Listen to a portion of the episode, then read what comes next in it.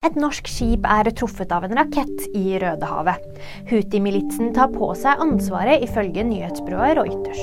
Det var 22 personer om bord på det norskeide skipet. Ingen av dem ble skadet i hendelsen. Ole Paus er død, han ble 76 år gammel. Den folkekjære visesangeren sovnet stille inn natt til tirsdag. Paus er bl.a. kjent for sin visekunst og sanger som Mitt lille land. KI-generert er årets ord. Det betyr laget med kunstig intelligens. Språkrådet gleder seg over at ordet er blitt mer brukt i norske tekster i år enn det engelske AI. Mer om dette og andre KI-genererte nyheter finner du alltid på VG.